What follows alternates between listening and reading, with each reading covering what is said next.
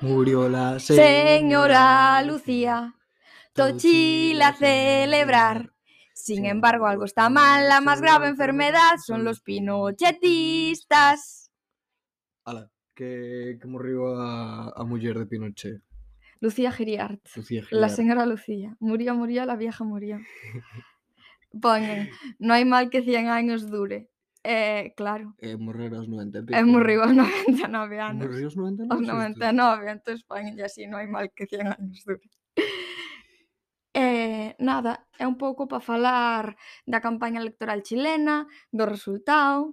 Hmm. Que gañou a esquerda, gañou Boric, porque, a ver, estaba Boric, estaba Cast, Cast, Cast era nazi, literalmente. Literalmente. En plan, eh, era fillo de alemáns emigrados despois da Guerra Mundial, que eran militantes nazis, e, e como era que o seu irmán era un membro dos Chicago Boys, que era a peña que controlaba a economía durante a ditadura de, Pino, de Pinochet. Sí, foron, foron en plan como as cabezas pensantes que levaron o neoliberalismo a, a Chile que ao final Chile, pois sempre se di que foi o experimento neoliberalismo en América Latina e eh, mini Gringolandia, porque o sistema económico é bastante bastante parecido, sino igual, rollo educación e sanidade son privadas, eh, tes que pagar, a mí fixosme super raro, cando iba ao médico ali, porque de repente decías en plan, va, tengo un tímpano roto, que é o que tiña eu. Eh, vale, tal, paso a especialista, son 50 pavos. Eh, con, con efectivo con tarjeta. Eu como, mm -hmm, vale. Pero e era, era tan caro? Sí. Hostia. Despois pasanche factura xa. Mm. Entonces mm. ti, vale, pues aténdente hasta onde podes pajar. E se mm. mellor te ten que ingresar tres días, dinche, Eh, bueno, temos que engrasar tres días, podelo pagar? No, bueno, pois pues entón vai para a casa. E non teñen unha alternativa pública? Supoño que eh, alternativa pública como tal, non. Supoño que algunhas cousas o mellor están financiadas, rollo, así como caridad. Sí, sí. Pero, pero non, se están na salud é unha mierda. Eh, por exemplo, tamén para estudiar, moitas compañeras miñas estaban endeudadas. Hostia. Mítico Estados Unidos que pides sí, sí, axudas sí. para pa estudiar e Mm, traballas non sei cantos anos para pagar os teus estudios, pois eso. Eh, a mítica peña que, que se alista ao exército para pa pagar a en plan unha carreira universitaria, en plan, literalmente estás disposto a matar e a que te maten para por ter estudios, sí. o sea, por ascender socialmente, imagínate mal que debes estar. Mm eh, bueno, basicamente eso é do que vimos falar un pouco hoxe, de como foi a campaña electoral, porque quen está un pouco dentro do mundo dos memes, eh, eu creo que sabe quen é Boric. Bueno, depende, igual non. Dentro, vale, se estás dentro do mundo dos memes rollo concellos, no, pero memes hispanohablantes, pois eu creo que a mitad son chilenos. Pero que sí, pero que que depende de, de como andes, quero decir, non sei. O mellor biches, Boric, Non te sonaba de nada e sudaches, dixetes que cousa rara que xa, esta xente. Xa. Pois eh, resulta que, claro, como se presentaba Boric, que era o candidato da esquerda, e eh, Cast, que era o candidato da dereita, eh, pois foron unhas eleccións bastante, bastante polarizadas. Os dos tuveron que moderar bastante o seu discurso. Como, como modera Cast o seu discurso? Eh, ti pensa que, que a nazi. Sí O sea, simplemente con... Ui, as campanas. Sí, estamos, estamos na, no meu piso en Perillo, ou bueno, en Perillo, en Santiago, e escoitanse as campanas de fondo, non sei se escoitan no micro, pero, pero bueno, que cambiamos de ambiente. Sí, nada, que con, con decir un pouco no odia a las mujeres e a los negros, eu creo que xa está...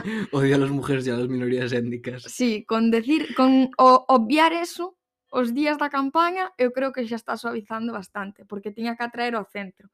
E claro, a xente tiñalle pánico no o siguiente. Por certo, eu vino en vídeos de TikTok a, a Cast. Sí. sí. En plan, non me apareceu no TikTok, pero vin vídeos en Twitter de Cast en TikTok e, e, analiz, e peña analizando porque a política en TikTok desde a dereita está, está ben levada, sabes? De, de como se souberon adaptar a eso e como son como adoptaron aí o de provocadores, de somos somos non sei que, sabes? Eh, de aí o o que dixera un americano, que non me acordo ahora mesmo quen é, un que ten unha, unha cara rara, que eh, la derecha es el nuevo punk, que no es el nuevo punk, pero pero eso, que están como políticamente incorrecto, vamos contra el sistema, ¿sabes? Claro, políticamente incorrecto, é que non as políticamente incorrecto, as nazi. Xa, no, pero... Eh... Que entendo o seu punto de decir, pero eu creo que o reggaetón é un novo punk. O reggaetón? Sí. Por que o reggaetón é o novo Porque punk? o punk... É que eu, eu creo que nin sequera o punk era tan punk, eh?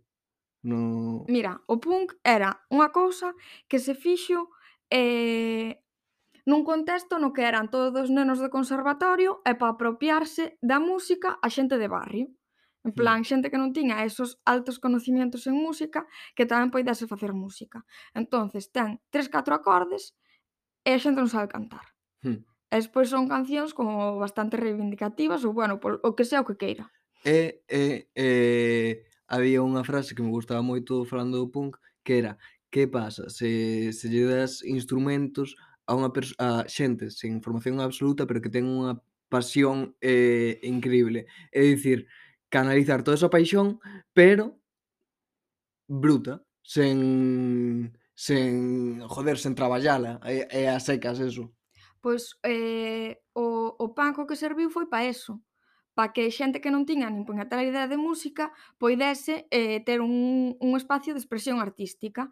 E eu creo que o reggaetón, que tamén é unha música super simple, que achega eh, a capacidade de crear a xente que non ten esa formación, pero simplemente en épocas distintas. Pasa que, claro, o reggaetón asóciase a que é unha música como moi, sin, moi sin, sinxela. Estaba entre sencilla e sinxela e como que me quedou aí pois unha música en plan bastante como sinxela e que despois eh, ven de xente se non pobre e de barrio, xente latina, que visto desde Europa é o mismo.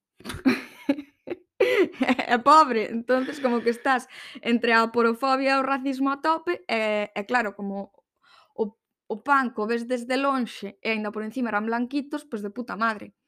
Hmm. Pero pero o reggaetón mm, hai latinos. Sí, tamén está pensando que ten que ser como todo reivindic... é que sí que ten un, un tono reivindicativo de por sí o punk, porque está pensando ahora en me gusta ser unha zorra que de por sí me... pero que sí que é como sí que, sí que é reivindicativo en plan soy unha puta e que, sabes? Pero o reggaetón carece un pouco de eso. Mm, pois pues, E, e por que ten que ser reivindicativo? Que- No, no, no, no, estamos non estamos aquí debatindo de se ten que ser reivindicativo ou non. Estamos aquí se, se, se o queremos calificar como el novo Eu punk, quero calificalo como novo punk porque achega a música ás clases populares. pero carece dese factor reivindicativo. Depende que encante. Pois porque eu creo que, por exemplo, eh, a canción de Bad Bunny De de Yo perreo sola, eh, no, a que ten con Rosalía, que di, La eh, noche da noche. tú te mojaste pa que yo m pa que yo me bautice, pois paréceme moi pois que naturaliza bastante el squirt e la sexualidade femenina. Eh, ah, vale. Eh, eh, no, estaba pensando non en escuirse e non en mollarse a secas. No, entonces como que me parece que dentro das letras o mellor reivindican cousas diferentes, porque tampouco a túa generación reivindica as mesmas cousas que a miña. Cando, mira, xa esta cousa que imos falar de política en Chile, vai nos coitar a mitad da peña, porque a, eh, a túa generación non interesa. Xa, xa. A túa generación non interesa a lucha de clases, a túa generación interesalle o feminismo, o movimento LGTB e o cambio climático. Tocan un pouco os cojones eso, porque porque a loita de clases eh, chega a ser superimportante nesos aspectos, é eh, como sí. Eh. Pero, por exemplo, ahora que estamos falando das eleccións chilenas, o discurso de Boric foi moito eh, cara, cara a túa generación, en plan, non, sí, eh, Boric ganou gracias ás persoas, sobre todo as mulleres menores de 30 anos. Boric conseguiu mobilizar o voto juvenil, que tamén o conseguiu mobilizar gracias a que a quen era o candidato da eh, oposición eh, mencionar tamén o caso de que, que estaba funado, tío. Estaba funado, que por unha compañeira, el era exdirigente estudiantil, e eh, unha compañeira funouno por, non por abuso, pero por acoso sexual, en plan, por, por ser machista e por ser pesado. Hmm. Eh, por baboso. Eh, sí, por baboso, basicamente. E eh, aí perdiu moito apoio da esquerda en general, pero tamén das mulleres, que despois foron os, as que lle deron a victoria. E tamén decir que sendo un candidato político á presidencia e ter un caso de acoso sexual e non de abuso e de violación A mí pareceme, bueno, a dentro ver, do malo. Quer decir, é unha putada, é unha, é unha puta mierda, sabes? Pero, pero podía ser muitísimo peor. Sí.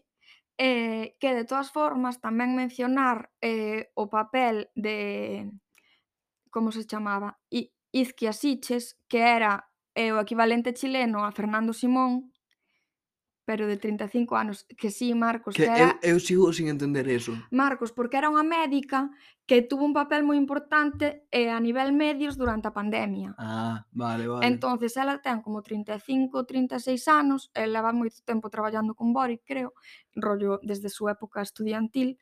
Entonces, eh, estaba moi ben vista socialmente e no momento no que na primeira volta Boric perdiu contra Cast, ela uniuse a campaña a Boric como dirigente de campaña hmm. e, e valiu moito para recuperar o voto femenino e para e ganar os votos do norte.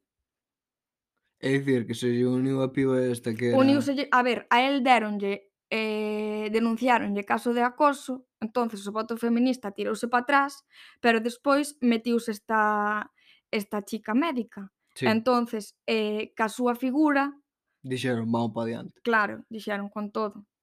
E despois tamén fixeron moita incidencia, que era o mismo que se facía en, en Instagram e así, en que eh, vamos votar polo menos malo.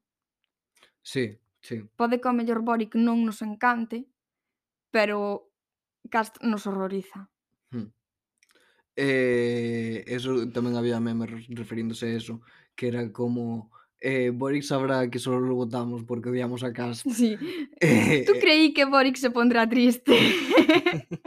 e eh, nada, eso, que, que, que gañou as eleccións, pero eso, porque, porque estaba competindo contra Satán, sabes? Sí. E despois, e tamén me parece importante porque eh, dentro da súa coalición, a ver, Chile é un sistema pre presidencialista, entón non funciona como aquí. Eles van a primeira volta con candidatos de distintas coalicións e despois os dous primeiros van a segunda volta a ver quen é presidente. Entonces na segunda volta era onde estaban Cast e Boric, non? Mm. E na coalición de Boric, nesta segunda volta, uniuse o PC, o Partido Comunista, que na primeira volta... PCC, Partido Comunista Chileno. Eu creo que só é PC, pero oh. non o sei. Eh, que na primeira volta iba con outro con outro líder que era Jadue. Pero Boric, aínda que tuvese o apoio do Partido Comunista, intentouse separar moito do que do que era socializar os medios de produción. No, como do imaginario eh, colectivo negativo que ten o comunismo, sabes? Sí. Eh, por exemplo, respondiulle algún tuit a Maduro e respondiulle algún tuit, eu creo que a... Ah, sí, mm, intentaba desvincularse sí. da, da esquerda latinoamericana. Claro, dos gobernos de esquerda, non da esquerda en sí, sabes? Pero, por exemplo, eh, sí que decían, ai, que se gana Boric, Chilezuela, Chilezuela. Entonces, como que se intentou desvincular de Maduro, eh, decir que que estaban en contra do atentado contra os dereitos humanos e toda a movida, que que tamén non entendo, porque obviamente despois despois das revueltas que sufristes, pois entendo que estedes en contra de todo de todo tipo de represión estatal, a verdad, pero pero bueno, que decía, estamos en contra da represión de Piñera, pero tamén estamos en contra da túa Maduro. Entón como que intentouse e fíxose unha imagen así, non así mismo, porque ten xente detrás, politólogos, por cierto, e, como eu como yo, creando unha imagen de que é de esquerdas, pero das esquerdas boas, sabes? Soy progre. Claro. Eh, das esquerdas que non se preocupan pola lucha de clases, pero si se preocupan polo feminismo, o movimento LGTB e clima, basicamente. Entón, así é como captas o voto todas as clases altas. Claro. Porque non atentas contra os seus privilexios. Y, y el voto de la generación Z. Sí, sí, Pero en, en Chile non ten que estar máis concienciados a nivel de clase, non me jodas. Sí, se, máis que aquí sí. En plan, se teñen, tiveron as revoltas e toda movida e, sí. e están, eu que sei, eu vexo, polo menos polo que ven en internet, tienen un movimento anarquista bastante potente. E, joder, Eh, tamén sabes eso, porque tenen... Eso non sal de feminismo, non sei que, é despreocuparte de, da loita obreira ten un movimento anarquista bastante potente porque eh, non ten Estado. Entón, como non hai Estado, quen ten que facer as cousas é a poboación, sabes? Hmm, hmm. Entonces hai moito movimento de autoxestión. Hmm. E por iso creo que hai un, un movimento anarquista fuerte. Sí, pero eu tamén comprendería que se houvese eh, gran participación do Estado, en plan, eh, en realidad podería justificalo da, da outra forma. Imagínate que é un Estado moi forte con moita represión, moita movidas, entón dis, oi, non queremos un Estado. Sabes? Claro, pero refiérome, ti se tuveses un, un Estado pois pues como por exemplo podes ter aquí, se tes un estado de benestar que se preocupa eh, de non que se preocupa, pero que chegarán máis ou menos a educación, sanidade, eh, servizos sociales. Sí. Non necesitas que a poboación se implique tanto neses ámbitos. E ao mellor, por exemplo, imagínate en Oleiros que tes xa bastante ocio dirixido Sí. á á mocidade e así. Se se ese ocio cho proporciona o Estado, a poboación non se ten que organizar para eso. Eh, un tema moi interesante de, de- en plan, porque estaba pensando, jora, é eh, como como coño implicas a, a poboación na, na sanidade se non che aprobou, se non che aprobou o Estado nos abortos. Os abortos, por sí. exemplo, é un tema moi interesante porque en Chile estaban prohibidos, creo. Sí, está as tres causales, que é eh, violación, peligro para o feto e peligro para a nai. O caso é que desde non sei se todo ten un tinte anarquista, creo que non, simplemente que que queren abortar a secas. Sororidade. Pero, sí. Eh, eso, que teñen moito movimento rollo para abortar tes que pillar estas pastillas, non sei que, entonces quedan entre joder, con, con xente que sabe, eh, creo que había xente especializada neso, non? Si, sí, hai unha página que eu creo que é en Facebook, que é en la casa e con las niñas ou en la casa e con las amigas, algo así. Eh, ponémoslo despois na descripción. Pero que son como un grupo de mulleres que, que te acompañan a abortar. Eh, sí, é eso, que que nos abortos que se intenta que se traballa desde con desde a comunidade porque non tes outra forma de facelo, porque non, non che proben eso desde o Estado. E Uxía tiña un libro ou un panfleto, sí. unha movida que lin era horrible. Rollo, é un libro, é un libro. Pois, eh, rollo, un aborto desos era unha puta mierda, rollo, é peor que un parto. Sí, eh... eh podes te desangrar, Pois Tes se... bastante peligro de desangrarte, se te desangras e vas ao médico e che ven misoprostol en sangre que é o que toman para abortar. O misoprostol é unha pastilla que induce ao parto. Hmm. Entonces, eh, tómana e desangranse. E aí baixa o feto. Hmm. Ou embrión, será embrión daquelas, non sei. Pero aí vai. E se te desangras, e tes que ir ao médico, e che ven misoprostol en sangre, eh, vas detenida. Sí, eh, é unha puta movida. E, eh, falando das revoltas en Chile, isto xa é cambiando de tema. Eh, Viches o El Vaquita. Eh, no. Pois el Vaquita é como era un can un can que iba ás manis e que atacaba a policía como como o negro matapacos. Que, negro matapacos. Que é un mítico matapacos e matapolis. Eh, que era un can mítico que ten estatuas, ten cancións, ten un documental que nada, que iba ás manis e que a xente cuidaba del. Eh, el vaquita eh, era un can que necesitaba ir ao veterinario pero cando non había revoltas, pois ou non o atopaban ou non o daban pillado para levar ao veterinario. Entón que fixeron? Fixeron unha revolta falsa. unha revolta falsa. Eh en plan, empezaron a aprenderle máis cousas, tal, viñeron os cans, eh, estiveron aí un cacho, tal, pillaron a vaquita, levaron ao veterinario. Oh. eh, tal, porque en Chile hai un montón de cans callejeros. Sí. Eh, e tal, sabes, é outra situación completamente diferente a la de el Estado español. Sí, eh, eu creo vou falar así un pouco, pero Europa en general, eu creo que non ten tantos cans pola calle. En onde era? En Turquía, creo que sí. En Turquía sí, pero Turquía non é Europa. Turquía non é Europa? Como... Eh, mitad é Europa e mitad Asia. Mm. Eh, non sei, en plan, o mellor son os países máis do leste. Facer mención a, a que Turquía eh, está facendo bastantes campañas de... Bueno, da igual. En plan, así como apunte, campañas de guerra moi chungas. Eh, e ya, Vale.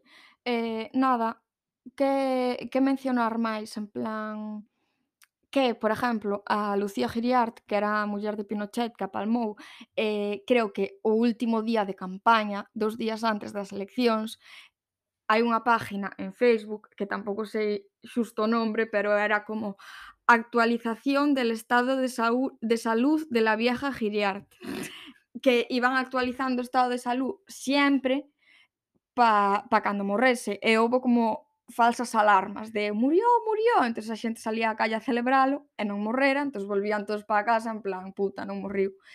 E, e desta vez morriu de verdad, non? E, e claro, foi eso, fiesta nacional, e foi o mellor cierre de campaña que poidaron ter. Se non ganaban, palmándolle a vella dos días antes das eleccións o último día de campaña, mm En plan, é que decían, eh, ¿quién fue el que diseñó este cierre? Eh, é, como, é que non lle poidan salir as cousas mellor. Estaba estaba aí para eles. E Gast, que dixo respecto de Lucía Gigarte? Non sei, non sei se se pronunciou, pero ela é bastante pinochetista. Sí, porque ademais en non te acordas que me dixeras que houve un momento no que decir no que decidirse continuar ca ditadura ou non? Sí, can... creo que foi no bueno, que non me acordo, no 98 pode ser un 88, é eh, un pouco ignorante eu, a verdad. É que, sí, bueno, pois nun 8. Foi antes do 2000 e despois do 73, que foi cando empezou a dictadura. Pero no momento en que tiñan que decidir se continuar con Pinochet como jefe de Estado ou non, eh, Cast saliu nun anuncio nun anuncio político a defendelo sí, a defender que seguise Pinochet, sabes? O sea, parece, pareceme brutísimo. Sí, o sí. sea, que deso, desa sombra non te podes desprender jamás. Eu entendo que un pode evolucionar políticamente, pero salvo que seas Así, así, así como dato, en plan, para poñer en contexto, a ditadura de Pinochet era famoso por tirar comunistas desde helicópteros. En plan... E vivos... cos pés en cemento. Sí, vivos ou mortos. Eh, e cometieron de torturas, eh, bueno, torturas bastante brutais, o de Víctor Jara, que lle quitaron as unhas e despois tocou... Eh, e mandaron, obrigaron obligaron a tocar a guitarra. Eh, movidas moi turbias, pero en plan turbias a nivel que eh, a guerra de, de independencia de España contra Francia. Eso, eso é, é un Pero é en plan crueldad, rollo vejación, sabes? Sí, sí, sí, sí. Que sí. entrenaban entrenaban a cans para que para pa que violasen mulleres. Bueno, supoño que homes tamén, pero eh, que auténticas barbaridades, é eh, mítico de eh, simulacros de fusilamiento que, que che din que te van fusilar estas no paredón fan a cuenta atrás, disparan e ten balas. Hostia. Bueno. Pois eh, esas cosas, e despois poñíanos tamén en camas eh, somieres de, de ferro, hmm. mollábanos, eh, daban descalambres, en plan, barbaridades, auténticas barbaridades. De feito, en Chile teñen o Museo da Memoria, hmm. que é bueno, recolle testimonios de, de torturados en dictadura, eh, hai como unha parede chea de todas as fotos das persoas que eh, que estu que morreron, o sea, que mataron, ti daslle un botón, hmm. ilumínase unha das fotos e explícache quen foi esa persona. Mm. Porque a detuveron e todo.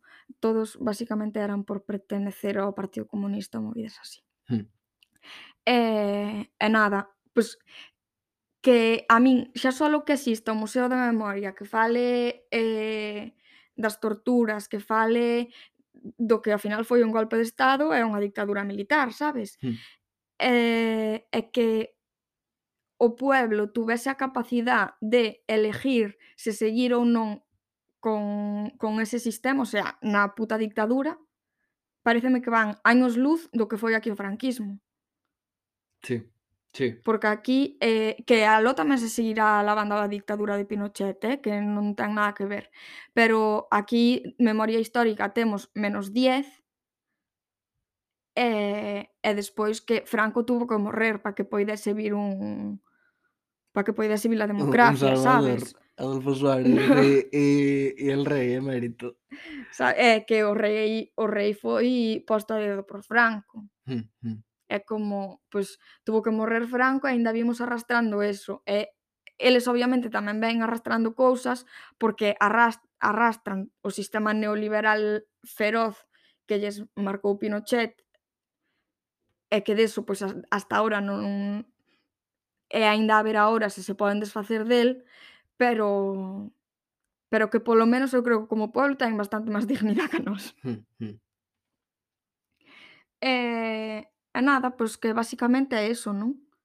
Sí. Eh, que, que máis mencionar? É que xa non me... ac- Ah, sí, quería mencionar tamén o da plaza, bueno, é Plaza da Dignidade, que é a antigua Plaza Italia, que durante as revueltas como que foi foi o centro. Mm. Eh, E de feito como que a renombraron despois das revoltas e agora chamanlle Plaza de Dignidade, Además, toda a movida. esta mítica foto esta que, que está toda ardendo un pibe sí, en riba dunha estatua coa bandeira. Mapuche. Mm. E, e bueno, que na campaña eh, xente que apoiaba a Cast como que pintou a mitad da, da escultura que está no medio da Plaza da Dignidade Eh, e púxolle césped tamén á mitad da plaza. E como que decían, eh, vamos recuperar Baquedano, que Baquedano, eh, bueno, é unha zona para a estación de metro eh, que se conoce por ser centro de torturas. Entonces, como decían, vamos recuperar durante a, revoltas, durante de... as revoltas sí. do 2019. Eh, vamos recuperar a plaza para todos os chilenos, porque non sei que, non sei cuánto, como que tamén se negan a chamarlle plaza da dignidade Hmm. Pero bueno, entonces o que fixeron eh, a Peña de Esquerdas foi roubarlle o césped e leválo a estación de metro Baquedano eh, e meterono como na antigua entrada da estación de metro que ten ali montado pois, unha placita de conmemoración e, e puxeron o césped a súa placita. Bueno, e si, sí, deixaron todo bonito. Sí. Animal crossing político. Así, así tal cual. Ah, pois te roubou o césped. Na. E eh, despois tamén quero mencionar o que falamos de que Cast quería eh, endurecer, bueno, darlle máis forza á policía e aos militares e eh, apoiálos jurídicamente para que non se poidasen condenar por eso. E iso é un pouco eh, pa evitar as revoltas e pa justificar calquera cousa que poida pasar nas revoltas, véase que lles peguen tiros pola nuca, os metan en supermercados ardendo, como pasou, e, ou tamén pa represión da, da xente mapuche na zona da Araucanía. Porque que os mapuches son os indígenas de, sí, foi, de Chile. Foi o único pueblo que eh, venciu a, aos colonos, que sobreviviu aos colonos españoles. Hmm. Paraguai tamén, eh? Paraguai un certo tempo, pero, pero ao final caeu. Eh... Pero estes eh, ganan a guerra, eh? Sí, sí, sí, sí. Eh, nada, que teñen mazo de Espera, problemas. Puxos en vermello, eso supoño que... Ah, eh, 30 minutos máximo. Vale. Ah, vale, pois pues quedanos un minuto. Nada, decir que na Araucanía que teñen como mazo de problemas Ai, que me estou poñendo nerviosa xa, porque a terra é dos mapuches, pero eh, as grandes empresas queren esa tierra, entonces eh, pois pues entralles a policía e os milicos a expropiar. Hmm. Expropiese, pero mal. E eh, nada, a mencionar que, que estivemos outro día no, no rodaxe de Belén Puime No, de pringadas. De pringadas, que estivo de puta madre. Pasámoslo moi ben. Eh, non, non podemos dicir nada porque sería spoiler e, e, e ya está, se acabou. Ala, pois pues stop recording. Besos.